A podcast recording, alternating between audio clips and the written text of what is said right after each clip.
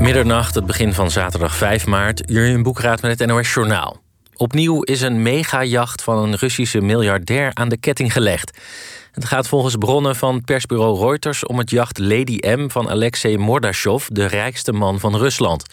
Zijn 65 meter lange schip werd in de haven van het Noord-Italiaanse Imperia in beslag genomen, omdat de staalmagnaat op de Europese sanctielijst staat. In dezelfde haven ligt nog een megajacht van een schatrijke Rus, Gennady Timchenko. Ook dat schip wordt volgens de bronnen van Reuters binnenkort aan de ketting gelegd. Eerder deze week gebeurde hetzelfde met Russische jachten in Duitse en Franse havens. Steeds meer internationale media trekken zich terug uit Rusland. Onder andere journalisten van BBC, CNN en Bloomberg stoppen met hun werk daar. En ook Nederlandse correspondenten hebben het land verlaten. NOS-correspondent Iris de Graaf noemt de werkomstandigheden in Rusland nu te onzeker. En RTL Nieuws-correspondent Eva Hartog werkt voorlopig vanuit Turkije. In Rusland is een nieuwe wet aangenomen tegen het verspreiden van desinformatie. Wie in Russische ogen nepnieuws verspreidt, kan een jarenlange gevangenisstraf krijgen. Het eredivisieduel tussen Vitesse en Sparta is vanavond gestaakt. Sparta-doelman Okoye werd op het hoofd geraakt door een beker die vanaf de tribune was gegooid. Dat gebeurde diep in blessuretijd. Sparta stond op 1-0 voorsprong na een vroege goal van Dalmau. Vlak voordat het duel werd stilgelegd was ook al een Vitesse-fan het veld opgerend. Hij werd door de Sparta-doelman weggestuurd. Ook werd er vuurwerk afgestoken. Het is niet bekend of en hoe de wedstrijd tussen Vitesse en Sparta wordt uitgespeeld. Het weer. Vannacht is het helder. De temperatuur daalt naar 0 graden in het noordwesten tot plaatselijk min 5 in het binnenland. Overdag schijnt de zon eerst overal volop. In de loop van de middag ontstaan wat stapelwolken en het wordt 7 tot 10 graden. Dit was het NOS Journaal. NPO, NPO Radio 1. VPRO. Nooit meer slapen.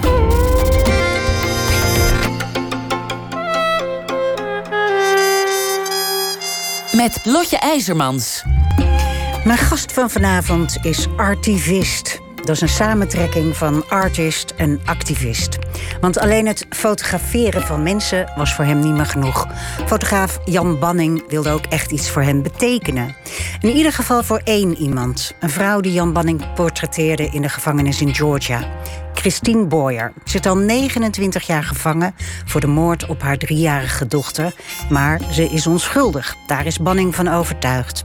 Hij onderzocht alle bronnen en bewijzen in haar zaak. Heeft vaak persoonlijk contact met haar en strijdt samen met een team voor haar parole, haar voorwaardelijke vrijlating, die steeds opnieuw wordt afgewezen. Jan Banning is bezeten van dit onrecht, ook omdat het het falend rechtssysteem in Amerika blootlegt. Vorige week opende de tentoonstelling Het Oordeel buiten redelijke twijfel in het Nederlands Fotomuseum in Rotterdam. En deze week verscheen het boek Het Oordeel. En bij beide is Christine Boyer ook als maker betrokken. Er was al een podcast over Jan en Christina. En binnenkort komt er een documentaire serie over Christina op uh, Hulu. Dat is een uh, streamingdienst in Amerika. Jan Banning werd internationaal bekend met vele fotoseries over armoede, machtsmisbruik, daklozen. En misschien wel zijn meest bekende serie Troostmeisjes. Foto's van bejaarde Indonesische vrouwen die in de oorlog door het Japanse leger werden ingezet als seksslaven. Jan, welkom. Dank het, was je, een, het was een lange inleiding, maar er viel veel te vertellen over, uh, over het boek. En dan kunnen we er gelijk induiken eigenlijk, dacht Mhm. ik. Um, artivist. Misschien nog even uitleggen wat dat, uh, wa- waarom je die, die, dat woord verzonnen hebt voor je eigen werk. Nou, ik heb het niet helemaal verzonnen. Uh, het uh, wordt enigszins gebruikt in de Verenigde Staten. Oké. Uh, maar goed, ik vond het heel toepasselijk. en zoals je zelf al aangaf, het is natuurlijk een samentrekking van twee dingen. Dus ik vind het, het art-gedeelte ervan belangrijk, omdat ik probeer iets te maken dat niet zeg maar propaganda is. Dit moet uh, artistieke kwaliteiten hebben. Dat het is geen ik... pamflet? Precies, ja. precies. Uh, dus het moet een waarde op zichzelf hebben. Mhm. Mm -hmm. uh, maar vervolgens wil ik het ook gebruiken om iets in het werkelijke leven, als ik dat zo kan uitdrukken, te bereiken. Ja. He, dus boek, boek en tentoonstelling dienen ook een ander doel. En dat doel is concreet uh, de poging om Christina Boyer uit de gevangenis te krijgen. En op een wat abstracte manier. Om aan de hand van één zo'n voorbeeld uh, de absurditeiten van het strafrechtssysteem aan te kaarten. Ja. Dat strafrechtssysteem dat interesseert jou sowieso bovenmatig, maar daar gaan we straks nog wel over hebben. Ik wil het eerst hebben over Christina en haar verhaal. Mhm. Um, je hebt haar leren kennen toen je 80 vrouwen fotografeerde, of 70 vrouwen in uh, een uh, gevangenis in Georgia. Toch? Mhm. Ja. Maar hoe, hoe ging dat? Ik was bezig met een project uh, dat uiteindelijk is uitgemond ook in een boek en een tentoonstelling. En dat heet Law and Order. En daarin vergeleek ik de strafrechtssystemen van vier landen op vier verschillende continenten: Frankrijk, Colombia, Oeganda en de Verenigde Staten. Meer in concreet Georgia. Uh, en het voert veel te ver, denk ik, om uit te leggen waarom die landen. Maar zo belandde ik ook in Georgia. En het ging daar om politie, het ging om rechtbanken en het ging om gevangenissen. En vooral dat laatste was natuurlijk ongelooflijk lastig. Uh, lastig in de zin van uh, krijg maar eens toestemming daarvoor.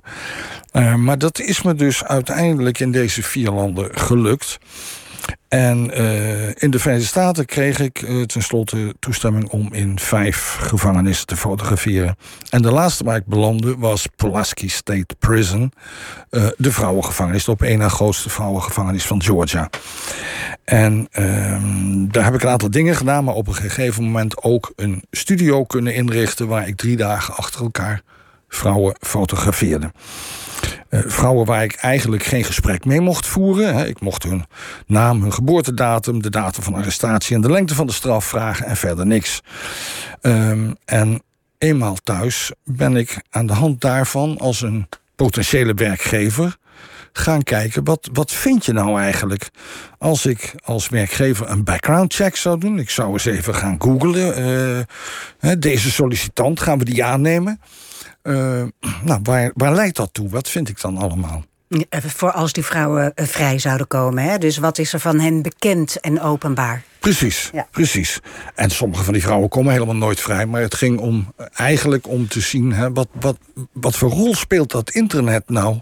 in het, het, het dwarsbomen eigenlijk van uh, de tweede kans die je formeel hebt als je eruit komt.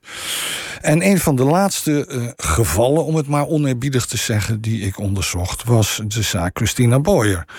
Um, en... Um, Goed, Christina had levenslang plus 20 jaar... omdat ze haar driejarig dochtertje Amber vermoord zou hebben... in 1992, april 92. Um, dat is natuurlijk schokkend. Dus dat, weet je, dat... al ging het allemaal om ernstige gevallen... Uh, dit, ja, een dit, moeder die haar dochter vermoordt. Ja, en, en dan nog wel doodslaat... wat nou niet een heel gebruikelijke manier van. Ja, dat klinkt allemaal een beetje raar natuurlijk, maar hè, vrouwen doen dit normaal gesproken niet. Zo heb ik bijvoorbeeld ook hier van, van uh, patholoog anatoom Frank van de Groot begrepen. Uh, dus dit, dit, dit trof mij en ik wilde daar meer van weten. En al snel werd mij duidelijk dat er allerlei redenen waren om te twijfelen aan haar schuld. Uh, bijvoorbeeld dat de laatste zes uur van het leven van haar dochtertje, uh, Christina, helemaal niet aanwezig was.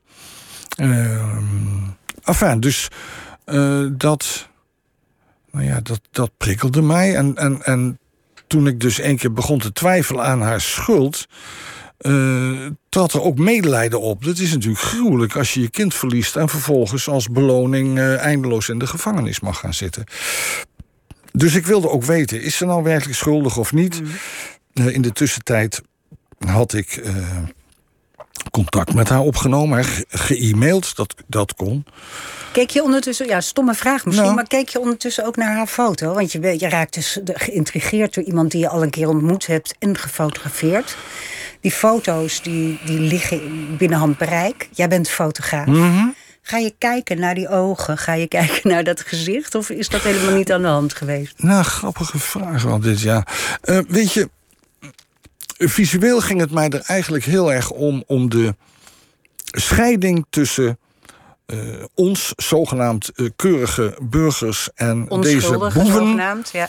uh, te verkleinen. Omdat ik de stellige overtuiging heb dat wij, in ieder geval de meesten van ons, uh, in andere omstandigheden ook best aan de andere kant van die uh, tralies zouden kunnen zitten. Uh, dus ik, ik, ik heb die dames allemaal mooi gefotografeerd. en, en natuurlijk zie je een veelheid aan blikken. Ze hebben allemaal ehm, een, een, een, een beige truitje aan of een blouseje. Ja, ze hebben allemaal gevangeniskleding aan. Maar ze zijn natuurlijk deels wel mooi opgemaakt en zo. Hè. Deze, dit waren de dames die zich hadden opgegeven om gefotografeerd te worden. En uh, daar uh, regelmatig ook uh, echt moeite voor gedaan. Hè. Geprobeerd er mooi uit te zien. Ja. kortom, uh, nee, ik kan niet zeggen dat in eerste instantie Christina daar ontzettend uitsprong. Dat was echt de, de zaak die mij uh, prikkelde. En uh, toen een keer het, uh, het contact op gang kwam, die e-mailwisseling die steeds intensiever werd, uh, toen, ehm, ja, toen begon ze mij ook op een andere manier te fascineren. Weet je, dit, ik vond dit een bijzondere vrouw. Het was bijzonder dat ze uh, zoveel empathie had, interesse toonde. In eerste instantie voor mij, maar ook voor mijn leefwereld.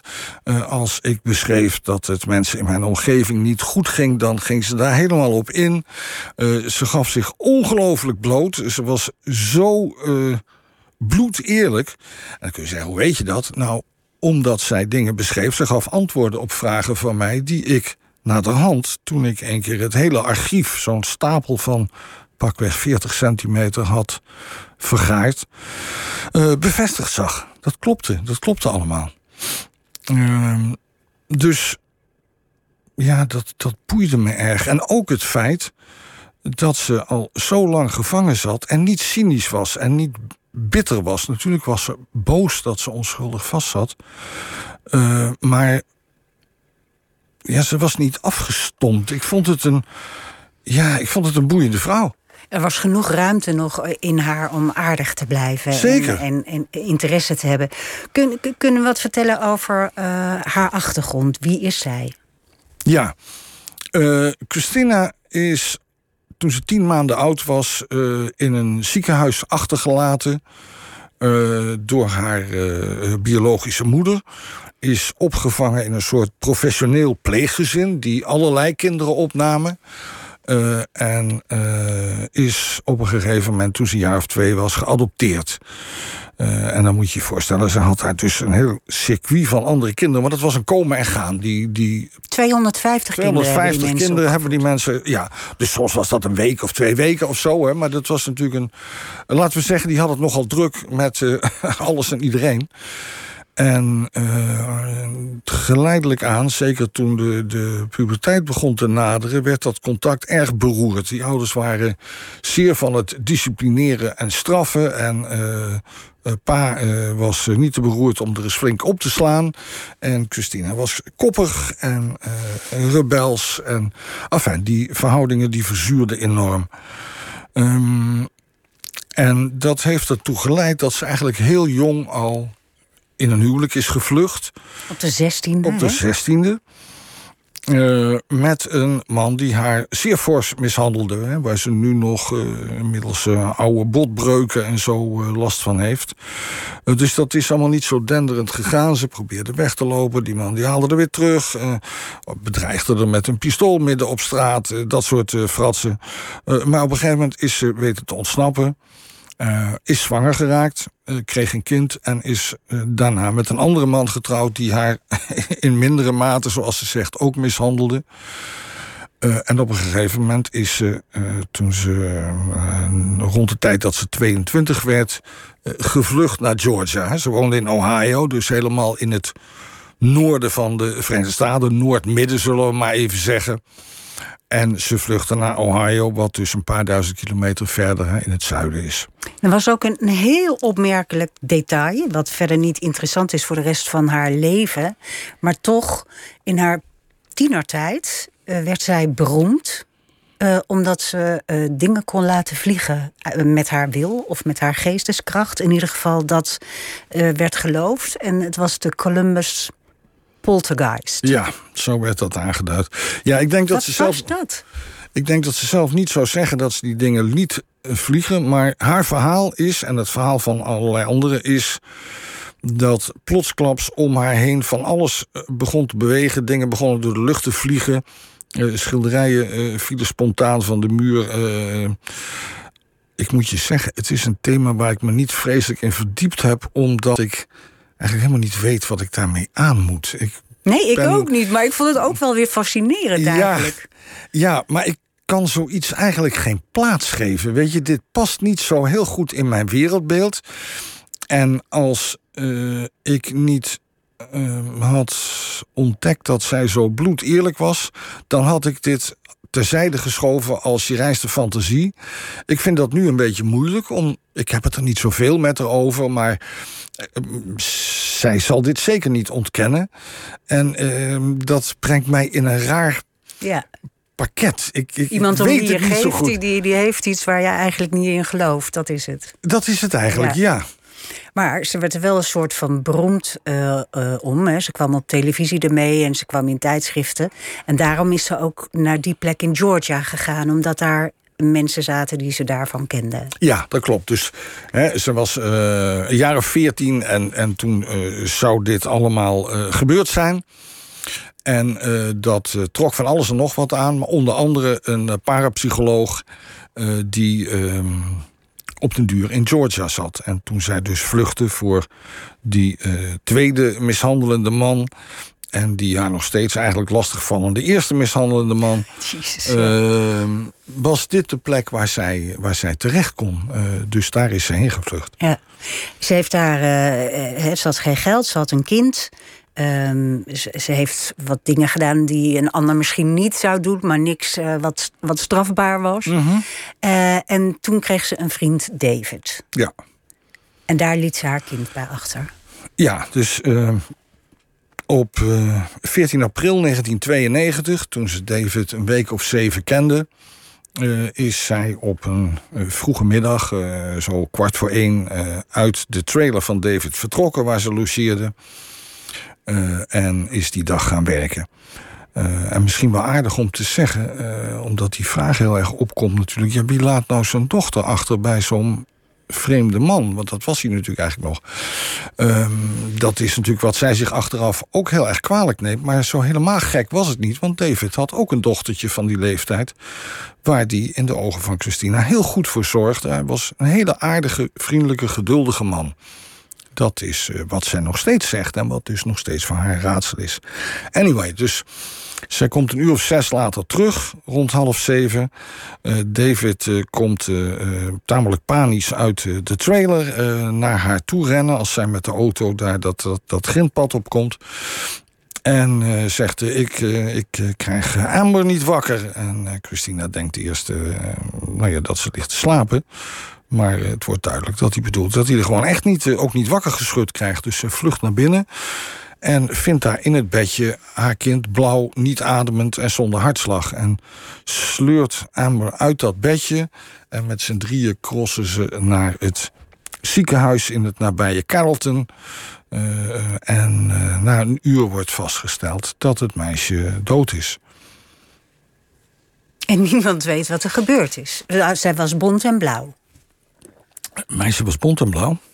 Ja. En uh, ja, waarschijnlijk is er één persoon die wel weet wat er gebeurd is, maar die zegt niet zoveel. Dat is, dat is David. David.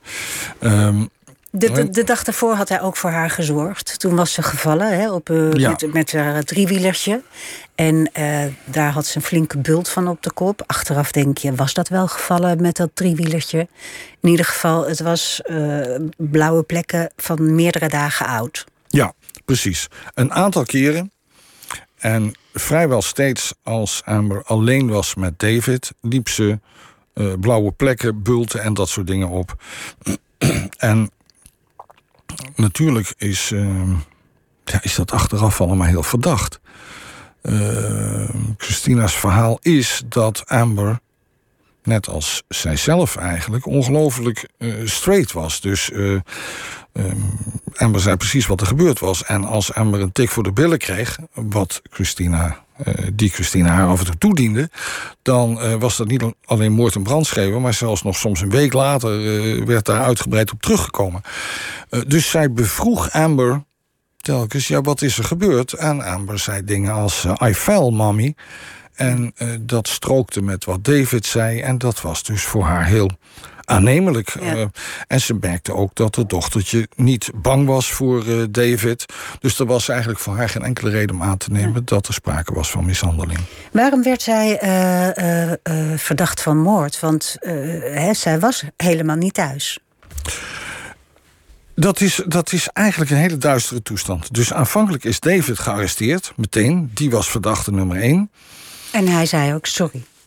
En hij zei ook, ja, precies. Sorry dat. Sorry. Waarvoor, waarvoor dan precies, dat bleef onduidelijk. Hè? Maar in dat uur dat ze in het ziekenhuis zaten te wachten... of Amber nog tot leven gewekt kon worden of niet... zei hij inderdaad uh, meerdere malen... I'm sorry, I'm sorry.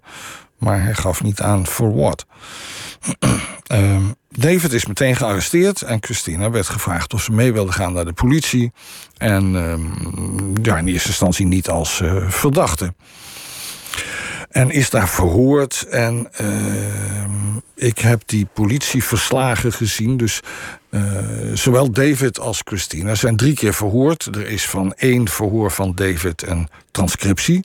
En van alle andere verhoren is alleen een soort kort, korte samenvatting, zou je kunnen mm-hmm. zeggen, hè, van mm-hmm. de uh, verhorende agent. En um, wat je uit het verhaal kunt afleiden is dat de politie er eigenlijk erg op aanstuurde dat David een mishandelaar was. Dus he, ook Christina werd gevraagd: ja, maar die man heeft, nou, heeft jou natuurlijk ook geslagen en ook mishandeld.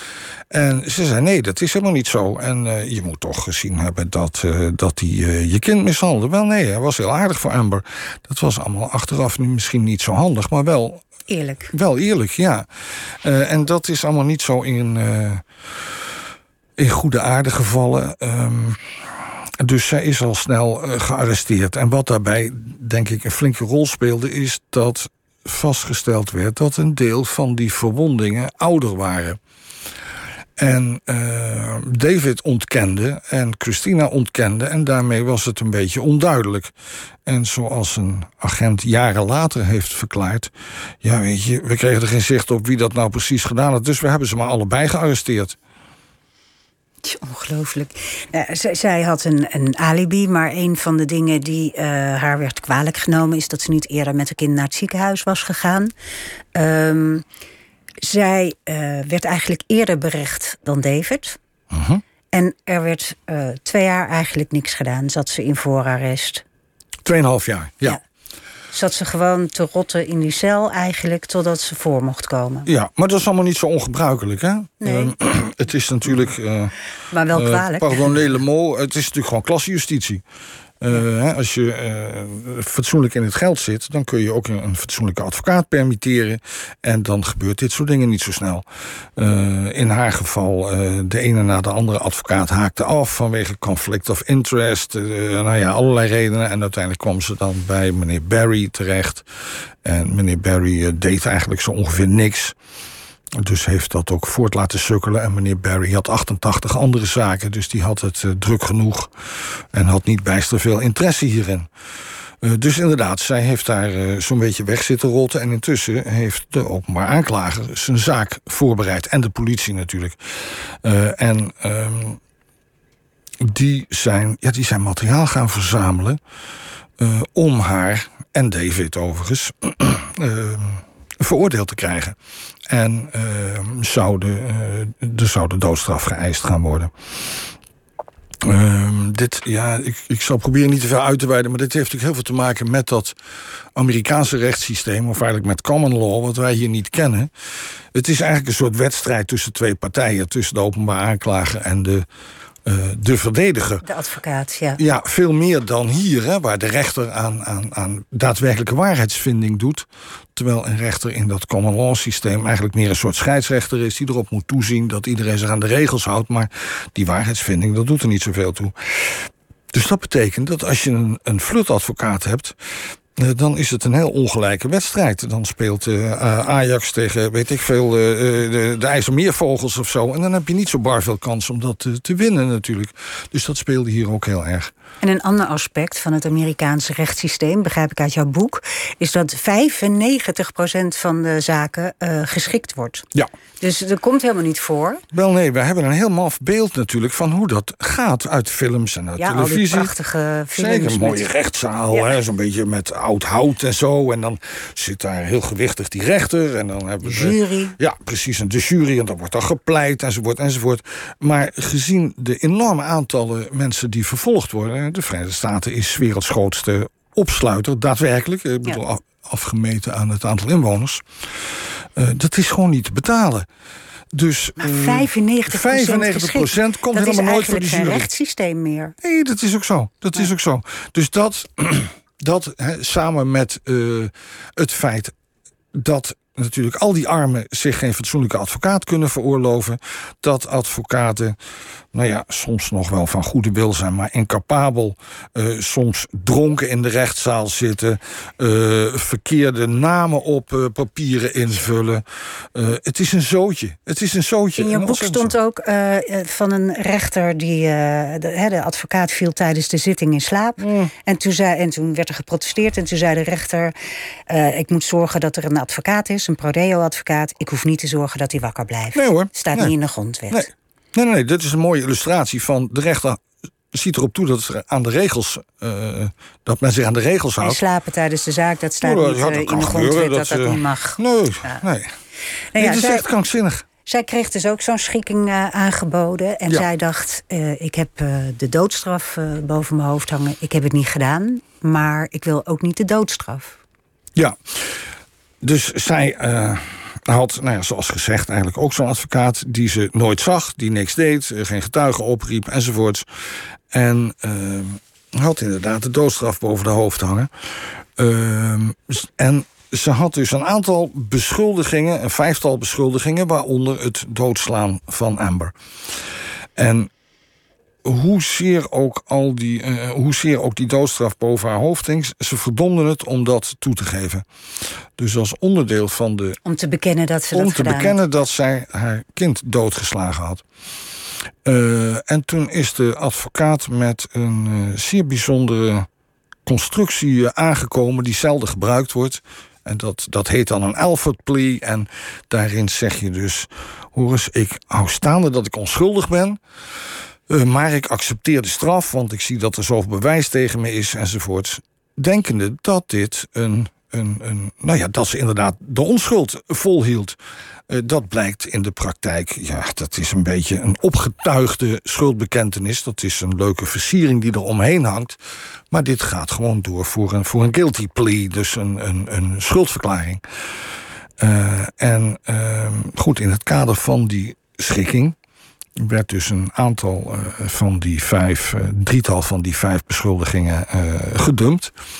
En bleef over de, de beschuldiging moord vanwege het niet tijdig naar het ziekenhuis brengen van haar dochtertje. Plus 20 jaar vanwege zware inwendige verwondingen, ja. met name aan de pancreas. Ja een alvleesklier. Ja. Ik, ik, ik ga even een, een stapje verder. Inmiddels uh, is, is, is, is David ook uh, veroordeeld, maar die kreeg een veel minder uh, strenge straf. Hè. Die kreeg 20 jaar, die is nu vrij. David kreeg voor precies hetzelfde vergrijp waar Christina levenslang voor kreeg, 20 jaar.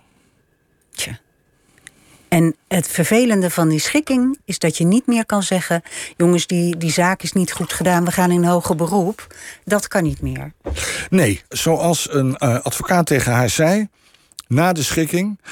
Uh, ook al uh, zou jij op de maan gezeten hebben toen dit gebeurde en NASA had foto's om dat te bewijzen, het is irrelevant. Het doet er niet meer toe. Dus de enige manier waarop ze nog vrij kan komen is vanwege goed gedrag, zeg maar, zo'n parole. Uh, nou, daar ga je al verder in je interpretatie dan, dan ik zou durven doen. Uh, parole, ja, maar we weten helemaal niet wat tot parole leidt.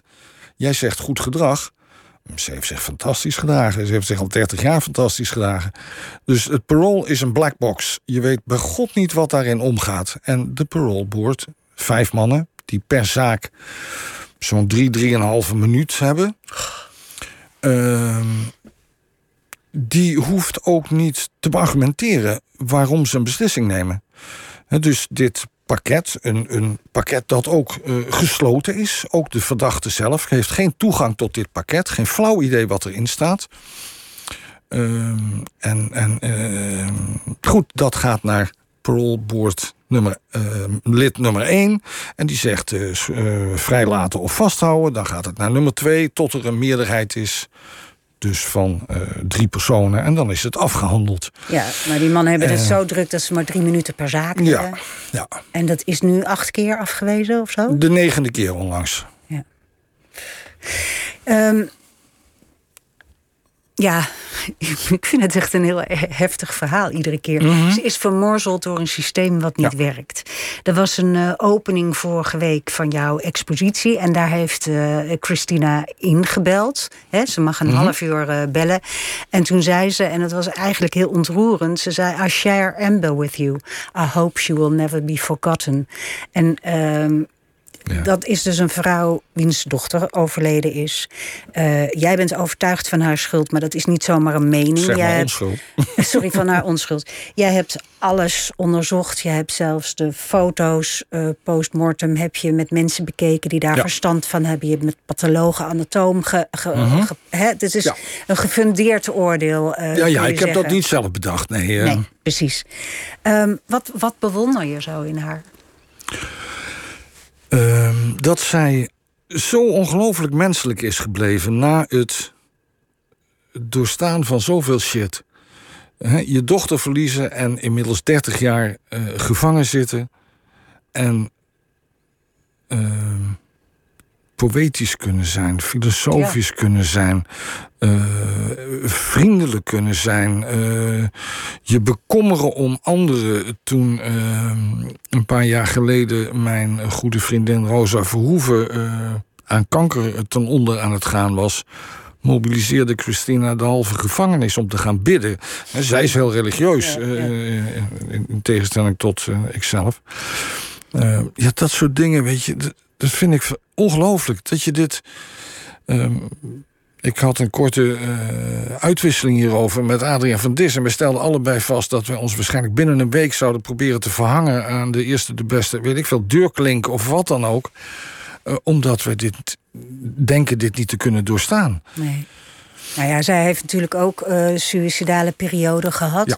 In, in jouw boek eh, zijn, is het hele verhaal door jou opgeschreven. Prachtig, indringend.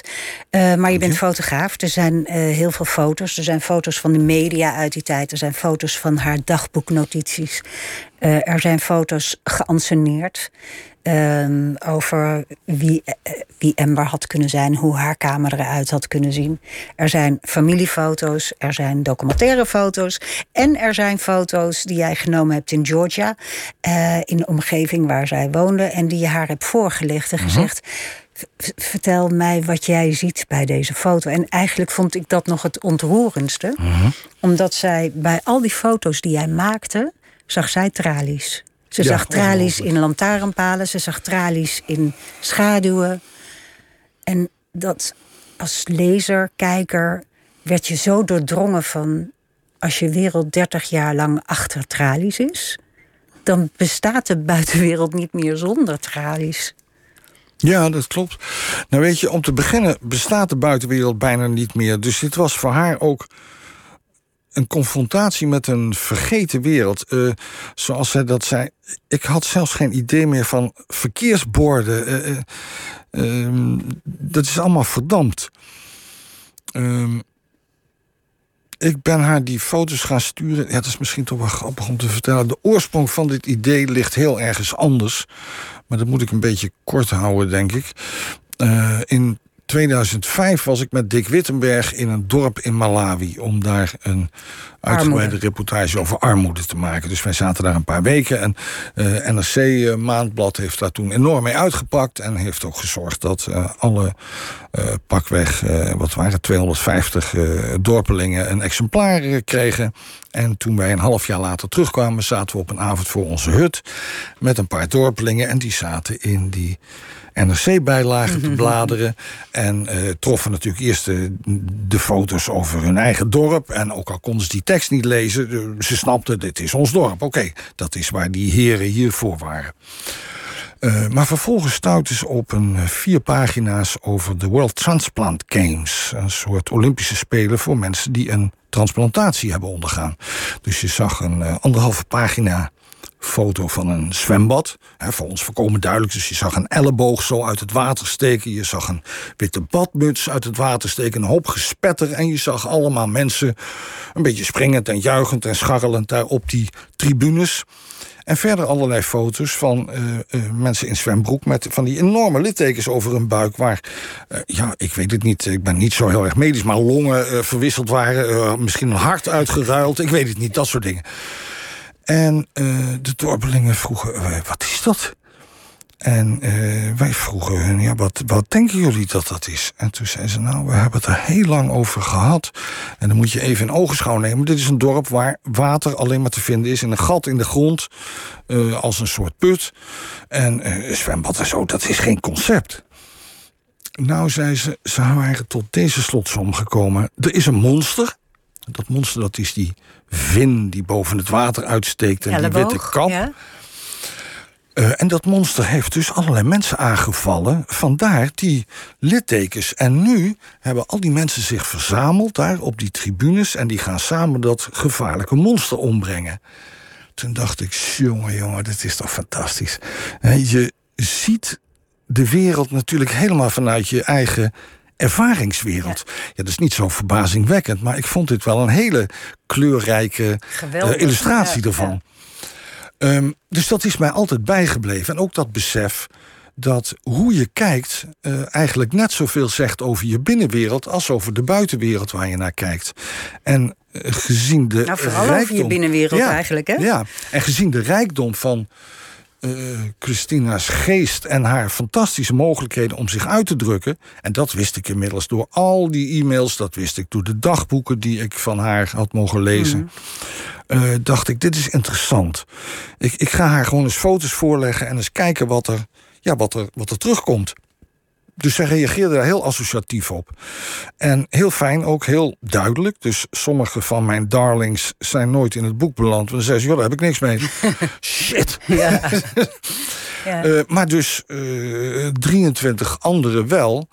Uh, die, ja, vind ik, een prachtig beeld geven van hoe je hele blik op de zichtbare werkelijkheid wordt gevormd door die belevingswereld en dus vooral door die jaren gevangenschap. En als het nou alleen maar overal tralies was, dan was het natuurlijk vlak geweest. Maar er gebeurt veel meer, maar je hebt gelijk, telkens weer duiken die tralies op. Op plekken Waar wij ze niet zien. Wel, ja, joh. Daar zien twee lantaarnpalen. Joh, er is een plek bij. Ik heb daar een half uur rondgescharreld om te fotograferen. En, en, en dan denk ik dat ik goed kijk. En ik stuur die foto op en zij zegt... De uh, first thing, uh, het eerste wat ik zag, natuurlijk, was het hek. Natuurlijk was het hek. Yo, ik heb het hele hek nooit gezien. Op één foto heb ik echt tien minuten zitten kijken... en ik heb het hek niet gevonden. Ja, ik kan me dat voorstellen. Ja, ik heb wel een vermoeden. Is dat die met die wandschildering uh, ja. Gone with the... Ja, daar is dus gewoon een lullig laag hek. Ergens een beetje een zwart hekje. Dat heb ik ook nooit gezien, hoor. Het is dat zij erover begon. Ja. En dan ziet ze die foto's dus niet zoals in die tentoonstelling, hè, twee meter breed. Maar dat wordt op een, op een, een van, de, van, de, ja. van de Department of Corrections uh, uh, aangeschafte tablet. Dus op behoorlijk klein formaat uh, ziet ze dat. En dan ziet ze dat verdomde hek nog. Jongen, jongen. En dat bevraagt ze dus ook weer. Hè? Kom ik ooit los van die gevangenschap in mijn hoofd? Hoe gevangen zit ik eigenlijk in mijn ja, hoofd? Ze heeft heel veel uh, zelfreflectie. Mhm. Uh -huh. En ze is ook filosofisch ingesteld eigenlijk. Uh -huh. Maar wat nou als ze ooit vrijkomt? Ja, dat is een goede vraag. Um, als je de buitenwereld zo ziet, hè, na, na 30 jaar. En uh, als je zo.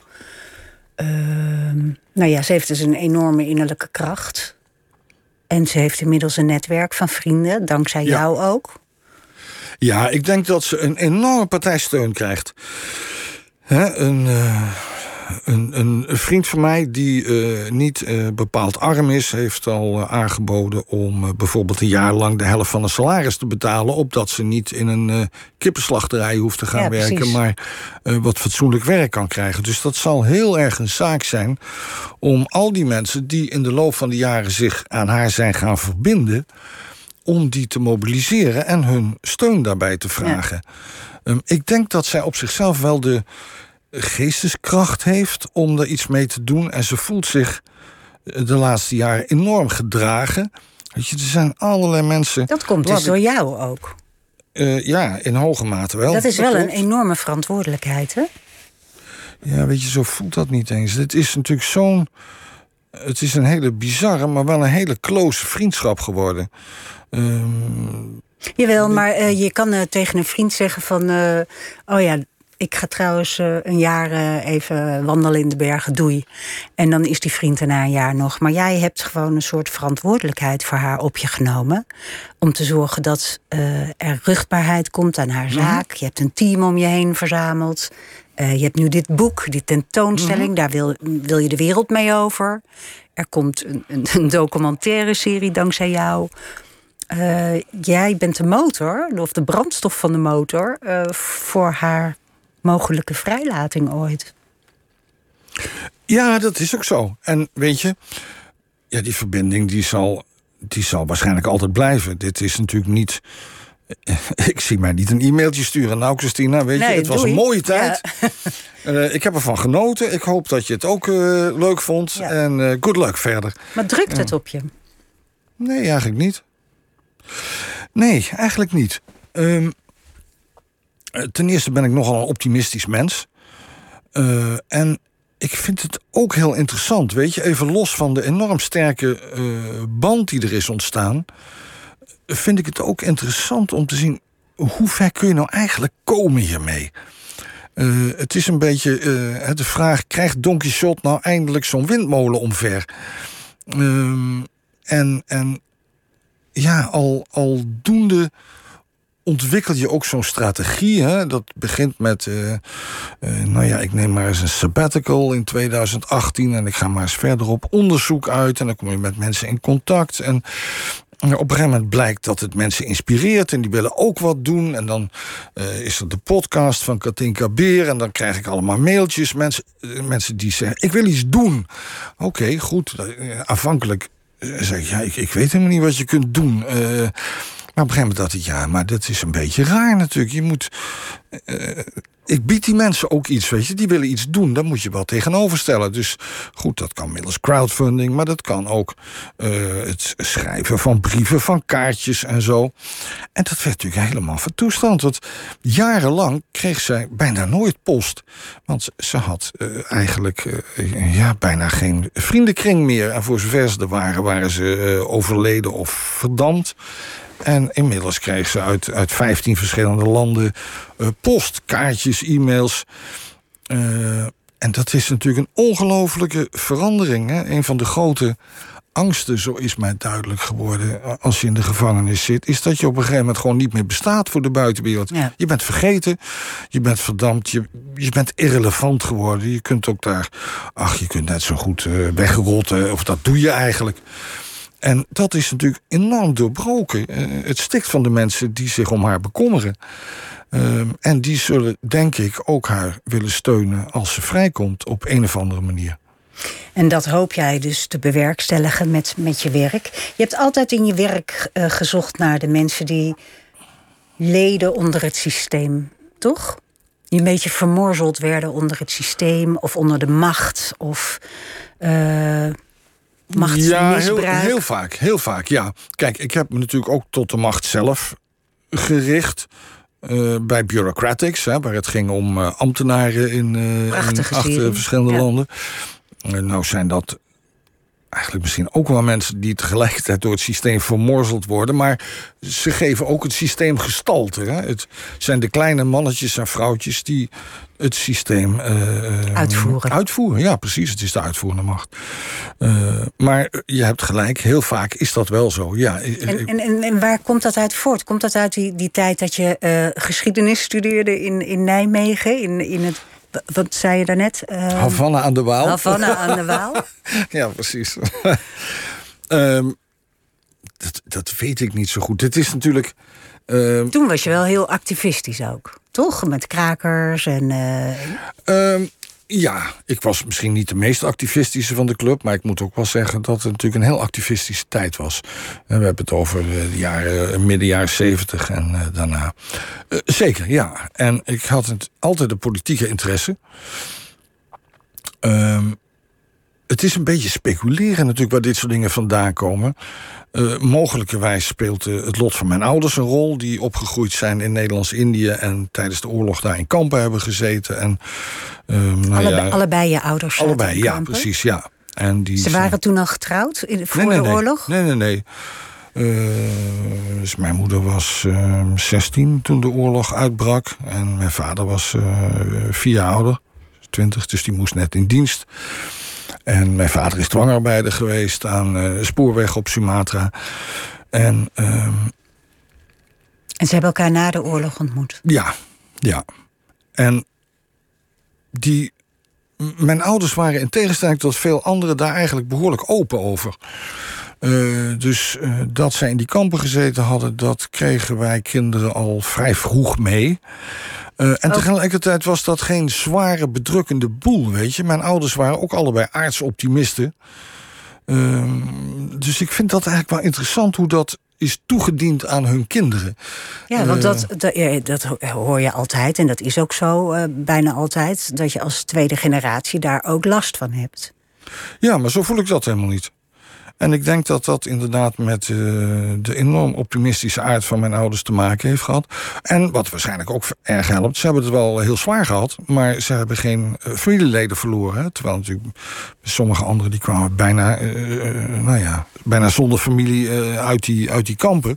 En dan wordt het natuurlijk een stuk moeilijker om dat optimisme te houden. En, maar ze hebben ook gruwelen gezien waarschijnlijk waar wij geen weet van hebben. Uh, ja, dat hebben ze wel. Jazeker, ja. Maar ja, waar we geen weet van hebben, weet je... Ja, mijn, jij misschien mijn moeder, wel, maar ja, ik niet. Ja. Uh, Vertelden ze dat soort dingen ook in jouw jeugd? Nou, weet je, dat is geleidelijk aan toegediend. Dus eigenlijk vanaf heel jonge leeftijd... Uh, kregen wij al mee dat zij uit Nederlands-Indië kwamen. Wat, denk ik, als, als positieve kant heeft gehad... dat je je heel vroeg al realiseerde dat mensen ook op andere plekken op de wereld uh, normaal kunnen bestaan. Nou, goed, je kunt zeggen, ja, hoe normaal is die koloniale tijd? Oké, weet je, maar uh, mijn ene opa was uh, schoolmeester... en de andere zat in de handel, maar was nou niet direct een of andere topman. Ehm, dus een soort normaliteit. Dat was een leven, ja... dat was niet raar dat je op andere plekken in de wereld zo kon leven. Of zoals mijn ouders wel eens zeiden... wij poogden jullie kinderen als wereldburgers op te voeden. Mm. En daar ben ik ze heel dankbaar voor. Dat is mooi. En zo, weet je, geleidelijk aan kwam die kamptijd ook in beeld. En dat is eigenlijk een klassieke vorm. Weet je, in het begin is dat grappen en hoe ze de Jap, zoals die dan heette, uh, tuk hadden en, en, en te pakken konden nemen. Eigenlijk een soort, ja, moet je het zeggen, reactie op de vernedering, denk ik. Uh, maar op een gegeven moment was het ook zo, als je ze bevroeg, uh, dan kreeg je ook antwoord. En ook, dus ook, ook de over, afschuwelijke verhalen. Ja, ook over de, de afschuwelijke verhalen. Ja, dat kregen wij niet als klein kind. Um, en weet je, die, die, die leeftijd waarop je gaat vragen... dat is dan toch eigenlijk, um, zeg maar, tegen het eind van je puberteit en, en daarna... Uh, maar daar werd ook over gesproken, zeker, ja. Maar, maar het mof je... is dat het altijd een soort lichtheid had. Bizar genoeg. Weet je, dus ik... ik heb ook niet daar een, een soort trauma van opgelopen. Nee, maar als je Alfred Burney of Adriaan ja, van Dis... Ja, ja. Uh, dat zijn hele andere verhalen. Klopt, klopt, ja. ja. En dat verklaar jij dat dat zo anders was... vanuit het optimisme van je ouders? Nou ja, ik denk de combinatie van optimisme... en uiteindelijk dat ze het goed doorstaan hebben het maakt natuurlijk nogal uit of uh, pakweg uh, uh, je vader onthoofd wordt. of je, je nou ja, mm. stiefvader is een beetje een rare uitdrukking mm. in het geval van Adriaan van Dis, want hij leefde nog helemaal niet. Hè, maar, of een, een, een, hele goede vriendin van mijn moeder is haar moeder en haar twee broers verloren. En kwam alleen met haar vader uit de oorlog.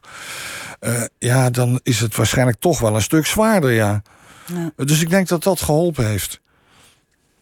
Ja. Maar goed, om, he, aansluitend eigenlijk bij je vraag. Dus dat besef van grote systemen en grote wereldgebeurtenissen die een eh, enorm hevige invloed kunnen hebben op eh, de individuele eh, burger die probeert zijn of haar leven te leiden. Ik denk dat dat al heel vroeg ontstaan is. Bij jou? Ja. Ja. Ik, ik, zat nog eventjes, eh, eh, ik was nog eventjes aan het denken over wat je, eh, wat je vertelt over je ouders en over dat optimisme. Maar er is toch ook een, een onbewust niveau waarop dingen plaatsvinden. En overdracht. Je hoort over transgenerationele overdracht van trauma's en dat soort dingen. Maar dat is bij jou allemaal niet aan de hand. Nou weet je, ik vind mijn ouders helemaal niet getraumatiseerd. Dus ik zag wel sporen van die oorlog. De, de wat vreemde omgang met eten. Eh, het is een aantal van dat soort dingen. Maar nee, ik zou werkelijk niet zeggen dat ze getraumatiseerd waren. En jouw leven is dus ook niet eigenlijk bepaald door die oorlog. Nee, dat vind ik niet. Nee, ik, ik heb denk ik van alles meegekregen.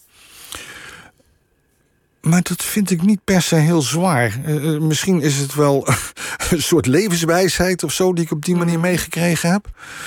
Maar niet een, een grote last op mijn schouders. Dus eigenlijk zijn jouw ouders een beetje zoals Christina. Dat ze gewoon een, iets heel moeilijks heel goed hebben doorstaan.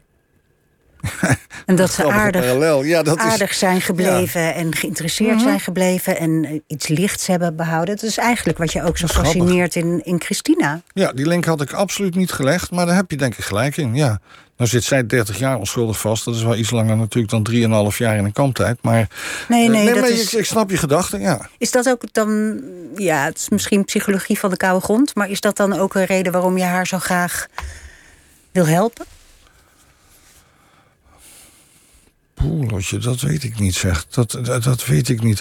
Ehm, in ieder geval niet dat ik me bewust ben. Hè, dit is eigenlijk meer de eh, absurde ongelijkheid. Ik heb een heel goed leven. Eh, ik ben eh, geboren in een, een, een land eh, in vredestijd. Dat is wel relevant om dat er nu bij te zeggen, denk ik. Ehm, in een ehm, ja, toch betrekkelijk harmonieus gezin. Middelklas.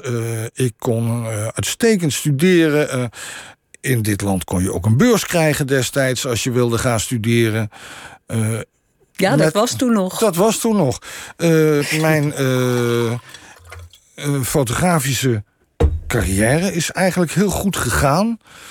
Ehm, dus ik heb ongelooflijk de wind mee gehad, vind ik, eigenlijk mijn hele leven. En op een gegeven moment ja, is het toch tijd om iets daarvan te delen en iets over te dragen aan, al is het dus maar één persoon, die het vreselijk tegengezeten heeft. Ja. Eh, eh, dat is eigenlijk, denk ik, de sterkste impuls. Ja, want dat wat we straks niet eens verteld hebben, is dat in jouw, eh, in jouw zoektocht al die jaren nu naar, naar bewijs en naar hoe zit het werkelijk in elkaar, heb jij ook de zus van Christina gevonden. Mhm. Bleek ze opeens een echte zus te hebben. Ja. Kun je wat vertellen over het gezin waar ze uiteindelijk vandaan kwam? Ja, ja. Misschien ook wel grappig om die zoektocht aan te geven. Het lukte mij uiteindelijk om opnieuw toestemming te krijgen om Christina te bezoeken na een paar jaar. Dus in november 2019 eh, mocht ik eh, de gevangenis in en trof haar. En we kregen het over het appartement waar zij gewoond had, dat inmiddels gesloopt was. En dat heette Davis Plaza. En Christina zei, eh, ja, die naam zal ik nooit vergeten... want dat was mijn geboortenaam. Ik werd geboren als Tina Davis. En als ik ooit uit de gevangenis kom... dan wil ik mijn geboorte, eh, mijn, mijn, mijn biologische familie vinden. Eh, die wilde ik al vinden voor ik de gevangenis inging. En dat is me nooit gelukt. Oké, goed. En ik was thuis en ik dacht, eh, god, dus, laten we eens kijken. Het is een beetje een eh, lastige zoektocht, denk ik... Een hele algemene naam, hè? ja, Davis. precies. Dus ehm, eigenlijk zonder veel eh, hoop ging ik eens eh, wat snuffelen. En tot mijn eh, ongelofelijke verrassing vind ik op een findmyfamily.com een inmiddels stokoud bericht over van, van een zus die haar geadopteerde zus zoekt, Tina Davis. Eh, geboren oktober, eh, wat was het, 1989 89, uh, 79, 69. in Columbus, Ohio. Shit, dat, dat zou ze zomaar kunnen zijn. Wow. Maar dat bericht was heel oud. Dus hoe, hoe komen we nou bij die persoon die dat bericht heeft gestuurd? Dus dat was een enorme zoektocht. En uh, ik, ik, ik vond wel wat aanknopingspunten. Toen ging ik bellen, maar er werd nooit gereageerd. En de telefoon werd nooit opgenomen. En uh, nou ja, enfin, dat ging eindeloos door. Achteraf bleek dat haar zus op dat moment in de uh, uh, hoe heet dat, het huis van bewaring zat. Dus er was geen wonder dat ze de telefoon niet kon opnemen. Enfin, uiteindelijk krijg ik die zus aan de lijn. En dat was natuurlijk een hele bizarre situatie. Ja. Die krijgt daar vanuit Nederland Ja.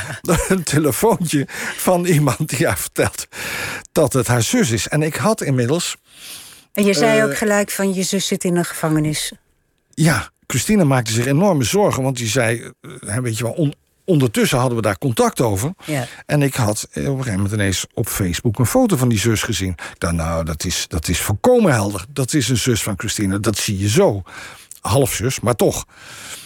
Ehm, en Christina maakte zich grote zorgen. Ze zei, nou, wat eh, gaan ze daar eh, zeggen als eh, ze horen dat ik in de gevangenis zit? Nou, dat bleek dus haar zus ook te zijn.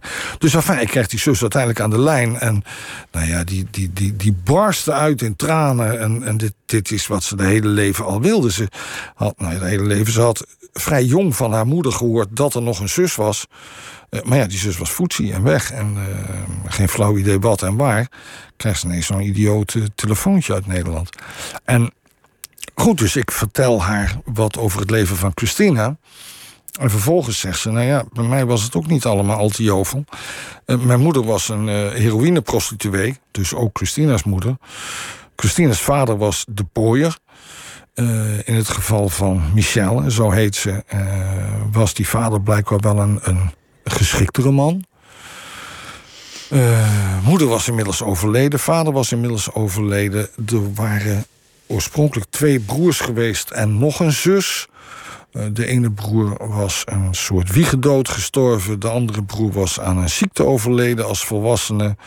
Eh, de andere zus was vermoord door de man. En Michelle was als heroïnebaby geboren. Eh, was al heel jong door haar moeder geprostitueerd. eh, en, en had op de elfde heroïne toegediend gekregen, net als de zus. En nou ja, dat was een verhaal dat was nog niet bepaald veel florissanter dan aan Christina's kant. Ehm, Ik vond het een heel deprimerend aspect aan het toch al heel deprimerende verhaal. Dat je, dat je zo. Zo'n. Alles is zo uitzichtloos en zo kansloos. eh, als je in deze familie geboren bent. Ja, weet je, dit is natuurlijk een van de grote leugens. eh, dat je eh, Ja. in Amerika van alles kunt worden. Nee, precies. Die American Dream, nou, je kunt helemaal niet van alles worden. Het is een klassenmaatschappij veel Ja. strakker dan hier. Eh, dus je bent niet bepaald kansrijk als je in dat circuit opgroeit. En ik, ik snap ook wel dat je er zo depressief van bent. Maar, maar weet je, het heeft natuurlijk op, op kleine schaal wel dingen opgeleverd. Hè? Haar zus eh, is eh, hoe heet het, van de heroïne afgeraakt. En is nog steeds clean. Al, al mm, sinds ongeveer de tijd dat zij te horen kreeg dat Christina haar zus was. En dat is duidelijk een, een motiverende kracht. Ehm, dus ja, dat is natuurlijk een heel positief ding. En dat Eh, heb jij teweeggebracht. eh, ja, dat is, ja, ja, dat kunnen we wel zeggen. Ja, dat Ja. is zo. Wat. ehm, eh, we hebben nog eh, één minuut. Wat kunnen de luisteraars doen? Die denken van, ik vond dit een aangrijpend verhaal. Ik, ik geloof ook in die vrouw. Ik wil er meer over weten. Nou, dan kunnen ze natuurlijk naar het museum of je boek. Maar wat kunnen ze nog doen?